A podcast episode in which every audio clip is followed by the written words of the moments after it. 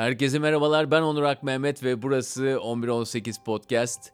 Meriç Demiray ile birlikte düzenlediğimiz Anlat Hikayeni gecelerinde koca bir sezonu yarın kapatacağız. Yarın Cuma 24 Mayıs Maslak Unique'deyiz. Evet, bir yıl boyunca 70 kişi sahnede bir hikayesini anlattı. Sezon finalinde de bazı anlatıcılarımız yepyeni hikayelerini sahneye getirecekler. Her zamanki gibi terazinin samimiyet tarafından sarktığı bir gece olmasını diliyorum.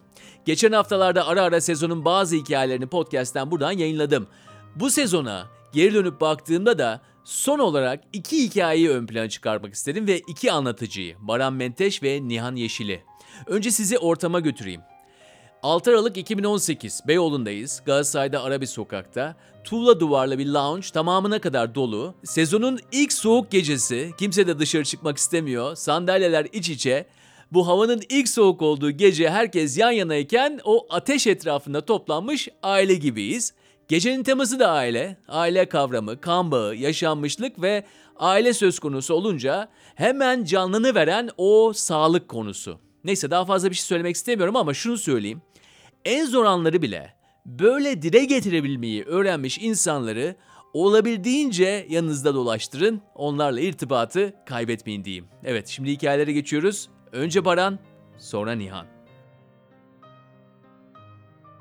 Herkese iyi akşamlar. Teşekkürler burada olduğunuz için. Ee, öncelikle Meriç'e ayrıca teşekkür ediyorum. Sevdiğim bir e, beyefendidir kendisi. Ee, biz bu hikayeyi daha bu konular gelişmemişken konuşmuştuk. Ee, açıkçası 5-7 dakikanın çok iddialı olduğunu düşünüyorum şu an için anlatabilme süresi adına ama e, ben hikayenin çok kısa bir özetini anlatmaya çalışacağım size. E, çünkü bunun arkasında 36-37 senelik bir hikaye var aslında.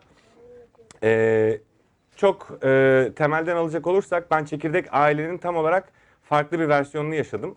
E, benim çekirdek ailem annem ve annemin ailesi oldu her zaman. Çünkü babamı görme şansım, babamı yaşama şansım pek olmadı. Babamın hem işlerinden hem de hayat biçimi e, farklı olduğu için ya şehir dışında ya yurt dışında çalıştı uzun süre. Ben babamı toplamda gördüğüm temel e, alacağım baş, barıştığımız diyelim e, 32 yaşına kadar e, toplasanız belki günleri 2 sene gördüm. E, bu tabii ister istemez ikimizin arasında e, bir arkadaş havası estirse de birbirini tanıma şansı olmayan iki insanın aslında birbirini tanımaya yönlendirdi. Ee, annemle de annem tabii e, eşi olmadığı için bir erkek evladı yetiştirmeye çalışıyor.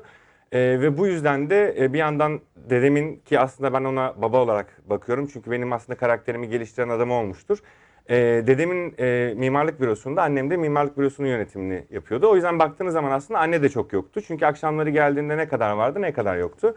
E, onunla da bir belirli bir yaştan sonra biz bir küslük yaşadık. Ben böyle 14 yaşından sonra isyan ettim lan yeter deyip e, ondan sonra onunla da barıştığımız yaşlar 33 civarıdır.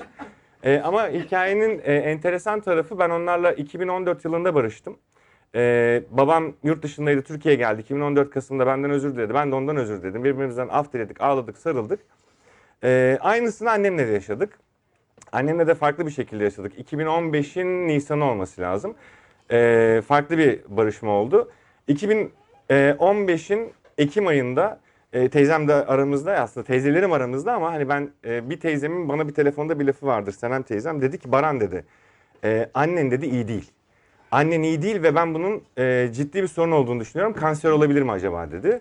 Ya dedim teyze boş ver ya çok pimpirikleniyorsun. E, annemin dedi mide bulantısı var biliyorsun çok fazla e, kuru yemiş yiyor. E, bu gerçekten annemin çok büyük takıntısıydı. Tuzlu fıstık, tuzlu fıstık, tuzlu fıstık. Sonra Ekim'in son, ha bir de bu arada e, büyük fincanda Türk kahvesi içerdi günde 7-8 tane. Hani bunun mide bulantısı yaratacağını hepimiz tahmin edebiliriz. Ben de onu onu söylemiştim.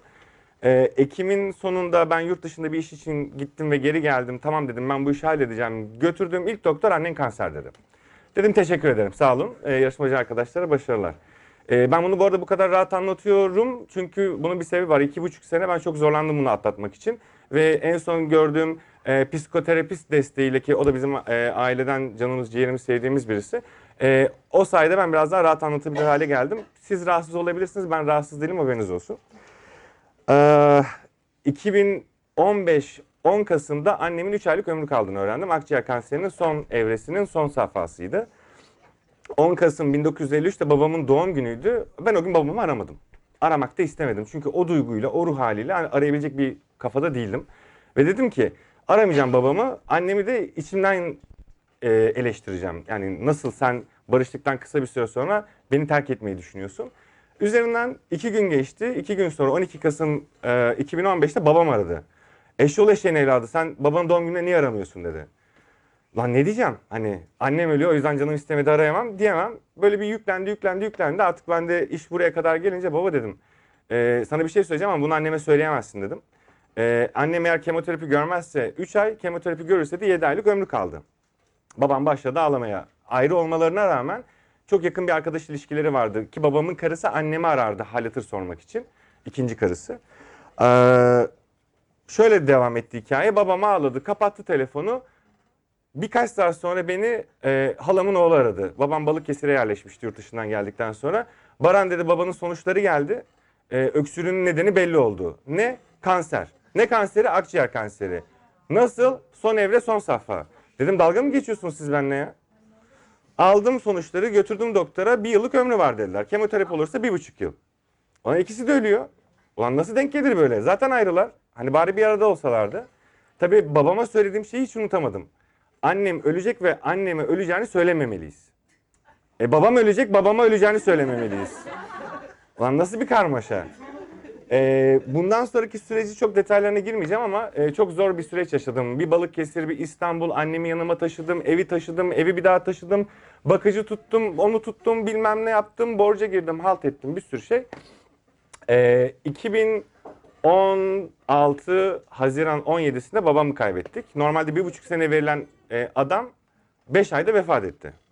Dayanamadı vücudu. Tam tersine annemizin de Bodrum'a tatile gönderiyorum. Altınoluk'a gönderiyorum. Höttürü höttürü höttürü yürüyor falan. Allah ne güzel derken 2016'nın Temmuz'unda da annemde kanser zaten metastaz yapmıştı da e, beyne sıçradı. Vücut fonksiyonları e, gerilemeye başladı. Vücudunun yarısının e, tamamen e, bilinçsiz, bilinçsiz hale gelmesi, felç olması derken 2016 Ağustos 31'inde de annemi kaybettik. Yani aslında ben bir buçuk arayla ikisini birden kaybettim.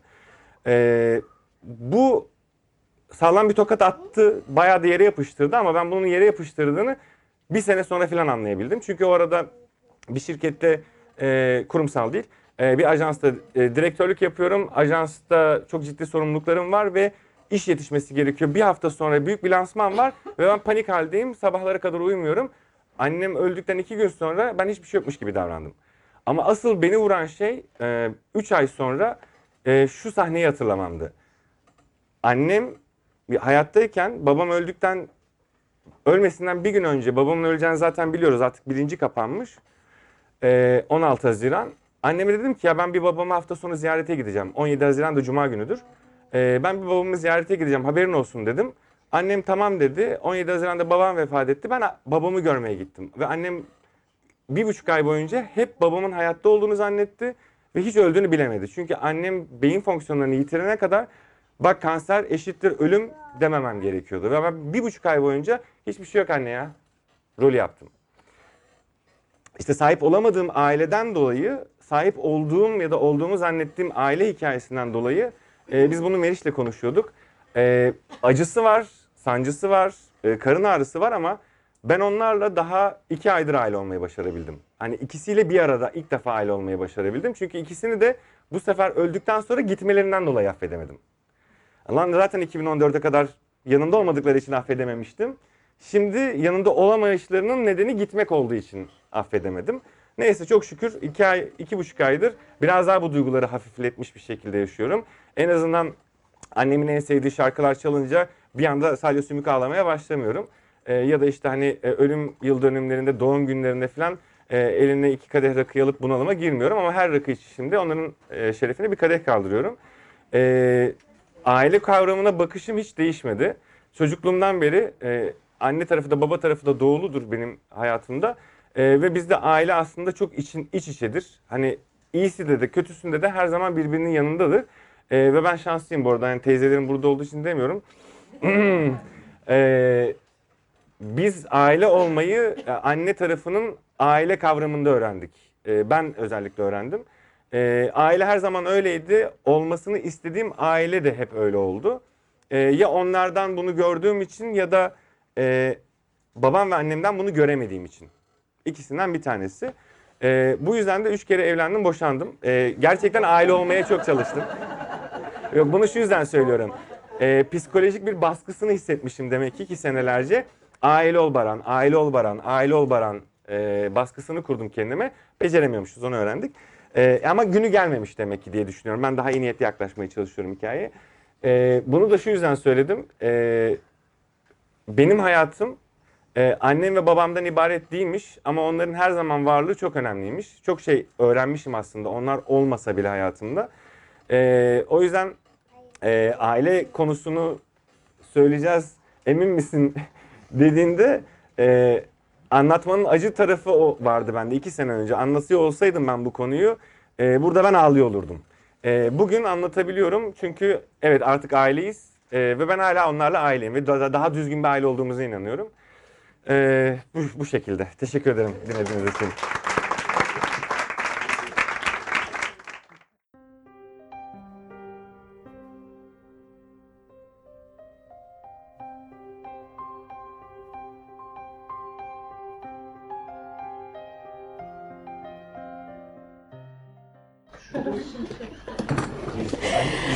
Herkese merhaba, benim ismim Nihan.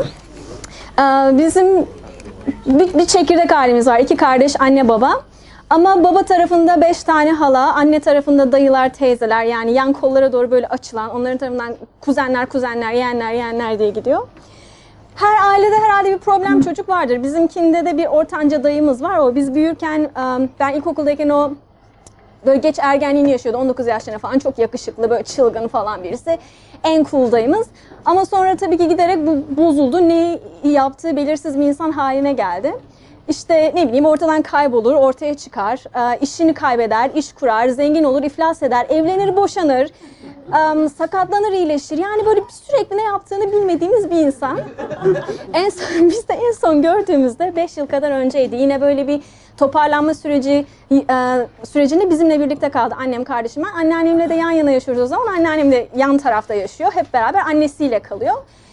İşte böyle 3 ay kadar falan böyle süper düzelme dönemlerinde işte böyle hayatını düzeltecek çok süper bir insan olacak.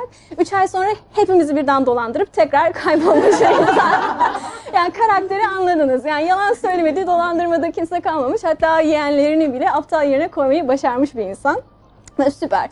Neyse 5 yıldır hiç duymuyoruz falan. Geçen hafta bir telefon geldi. Aa, Bursa'da hastaneden arıyorlar. Aa, Bilinçsiz olarak bulunmuş, hastanede acilde yatıyormuş. Telefonundan aa, anne annem diye kayıtlı olduğu için ailesini bulmuşlar. Oradan işte dayım, küçük dayıma ulaşmışlar. O da annemi arıyor. Abla hastanedeymiş, bilinci yokmuş ne yapacağız? Annem de tabii direkt deli misin kardeş hemen gidin. Tamam peki, okey tabii ki yani tabii ki bunu yapacağız. Aa, bilinci yok sonuçta gidiyorlar. Hani öteki dayım da Bursa'da yaşıyor. İkisini de alın gidin. Tamam peki sonra biz de o akşam annem bizi kardeşimle e, kardeşim de burada ikimiz dışarı çıkacağız hazırlanıyoruz. Annem de bize bu olanları anlatıyor. Böyle olmuş dayın hastanedeymiş falan. Okey biz böyle düşünüyoruz. Hani yani dinliyoruz tamam şöyle şu an yani bütün detayları anlatıyor. O sırada kardeşim dedi ki anne istersen dışarı çıkmayalım bak yalnız kalmak istemezsen yani burada olabiliriz. Hatta istersen Bursa'ya git hep beraber gidelim. Ben böyle bir dakika bir dakika bir dakika. Hayır kimse hiçbir yere gitmiyor. Yani kendi başına bu hale getirdi. İki tane abisi orada, kardeşi orada. Yani biz Topar'la Bursa'ya falan gitmiyoruz. Yani evin kalpsiz olarak ben. Yarın ararlarsa, hayati tehlikesi varsa gideriz son görümüzü yaparız. Benim yaklaşımım bu yani. Ondan sonra işte bu arada kardeşimin gözleri zaten kocaman olan gözleri böyle beni susturmaya çalışmaktan büyüdü, büyüdü, büyüdü. Ama işte yani sonuçta sonuçta beni de biliyorlar ailede. O yüzden biz tamam dedik. Yarın bakalım ne olacak. Neyse ertesi gün oldu. Ben evdeyim annemle birlikte. Telefon geldi hastaneden. Kendisi uyanmış, iyiymiş durumu. Bilinci açılmış. İşte abileriyle ilk diğer iki dayım yanlarında onunla konuşuyorlar falan. Ondan sonra işte annem de sesini duysun diye telefonu anneme veriyorlar. Ben de tabii yan odayım. Annem rahat konuşsun diye hani içeri gitmiyorum ama sonuçta her şeyi duyuyorum ve benim direkt kuruldum böyle. Evet şimdi olacakları biliyorum. Arayacak işte şunu bekliyorum ben. İyileştin mi? İyi geçmiş olsun. Ne zaman adam olacaksın? Ne zaman bir yol tutturacaksın? Kaçıncı sene bu halde buluşumuz? Bize yetmedi mi falan. Ben böyle başım dik bekliyorum. Şunu duyuyorum. Canım. Nasılsın? Çok sevindim. Hemen iyileş. Kendine iyi bak. Seni çok özledik. Hemen bize gel. Hemen bizimle kalmaya geliyorsun. Ben böyle elim ayağım titremeye başladı. Hayır, kendisine duygusal bağımlılığım olduğundan değil. Ee, ya entelektüel olarak anlayamadım ben şu an neler olduğunu. Anneme gittim. Yani bir şey bile söylemedim. Hayır hiç özlemedik. Hayır beş yıldır düşünmüyoruz. Hayır bize gelmiyor. Hayır bize kalmıyor. Görmek istemiyoruz bu kadar yani. Yani şu an ne oldu anlayamı anlayamıyorum. Oturdum bir süre. Yani birkaç gün aslında benim zihnimi kurcaladı. Tamam akraba, tamam kardeş. Tamam o zaman benim de kardeşim var. Kendimi düşünüyorum. Bize bunları bunları yapmış olsun. Yani sürekli yapmaya devam etsin. Yani nereye kadar kardeş diye düşünüyorum. Aile kavramını sorguluyorum. Tamam kan bağı var. Ama kan bağı da yani dünya, benim için dünyaya yarardan çok zarar getirmiş bir konsept yani. Yani bakın Star Wars demek istiyorum. yani düşünüyorum ne olabilir. Sonra kardeşim düşündüğüm her an benim aklıma milyonlarca, yüzlerce hatıra gelir. Yani yaşadığımız komik, komik, utanç verici, hatırlamak istemediğimiz, güldüğümüz bir sürü bir sürü bir sürü böyle flashbackler. Ve sonra dedim ki muhtem yani aileyi düşünmeye başladım. Bu kuzenleri, halaları falan yani bir sürünü tanımıyorum ve başlarına bir şey gelse umurumda da olmaz açıkçası. Yani başarılarına sevinmem, kayıplarına üzülmem. Çünkü benim için hiçbir anlamları yok. Sadece kan bağımız var. Tanımıyorum yani burada oturuyor olabilir birkaç tanesi. Tanım, tanımıyorumdur yani.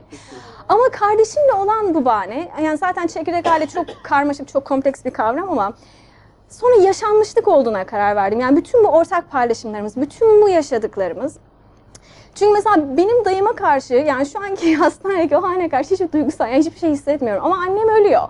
Çünkü yani ikimizin de kan bağı var ama onların bir, bir büyümeleri var. Aynı evin içinde büyümeleri var. Sonra düşündüm, arkadaşlarımı düşündüm. Hayatımın yarısı boyunca tanıdığım arkadaşlarım var. Onlarla da çok uzun süre görüşmüyoruz ama onlarla görüştüğüm zaman gözlerindeki ifadeyi anında okuyorum.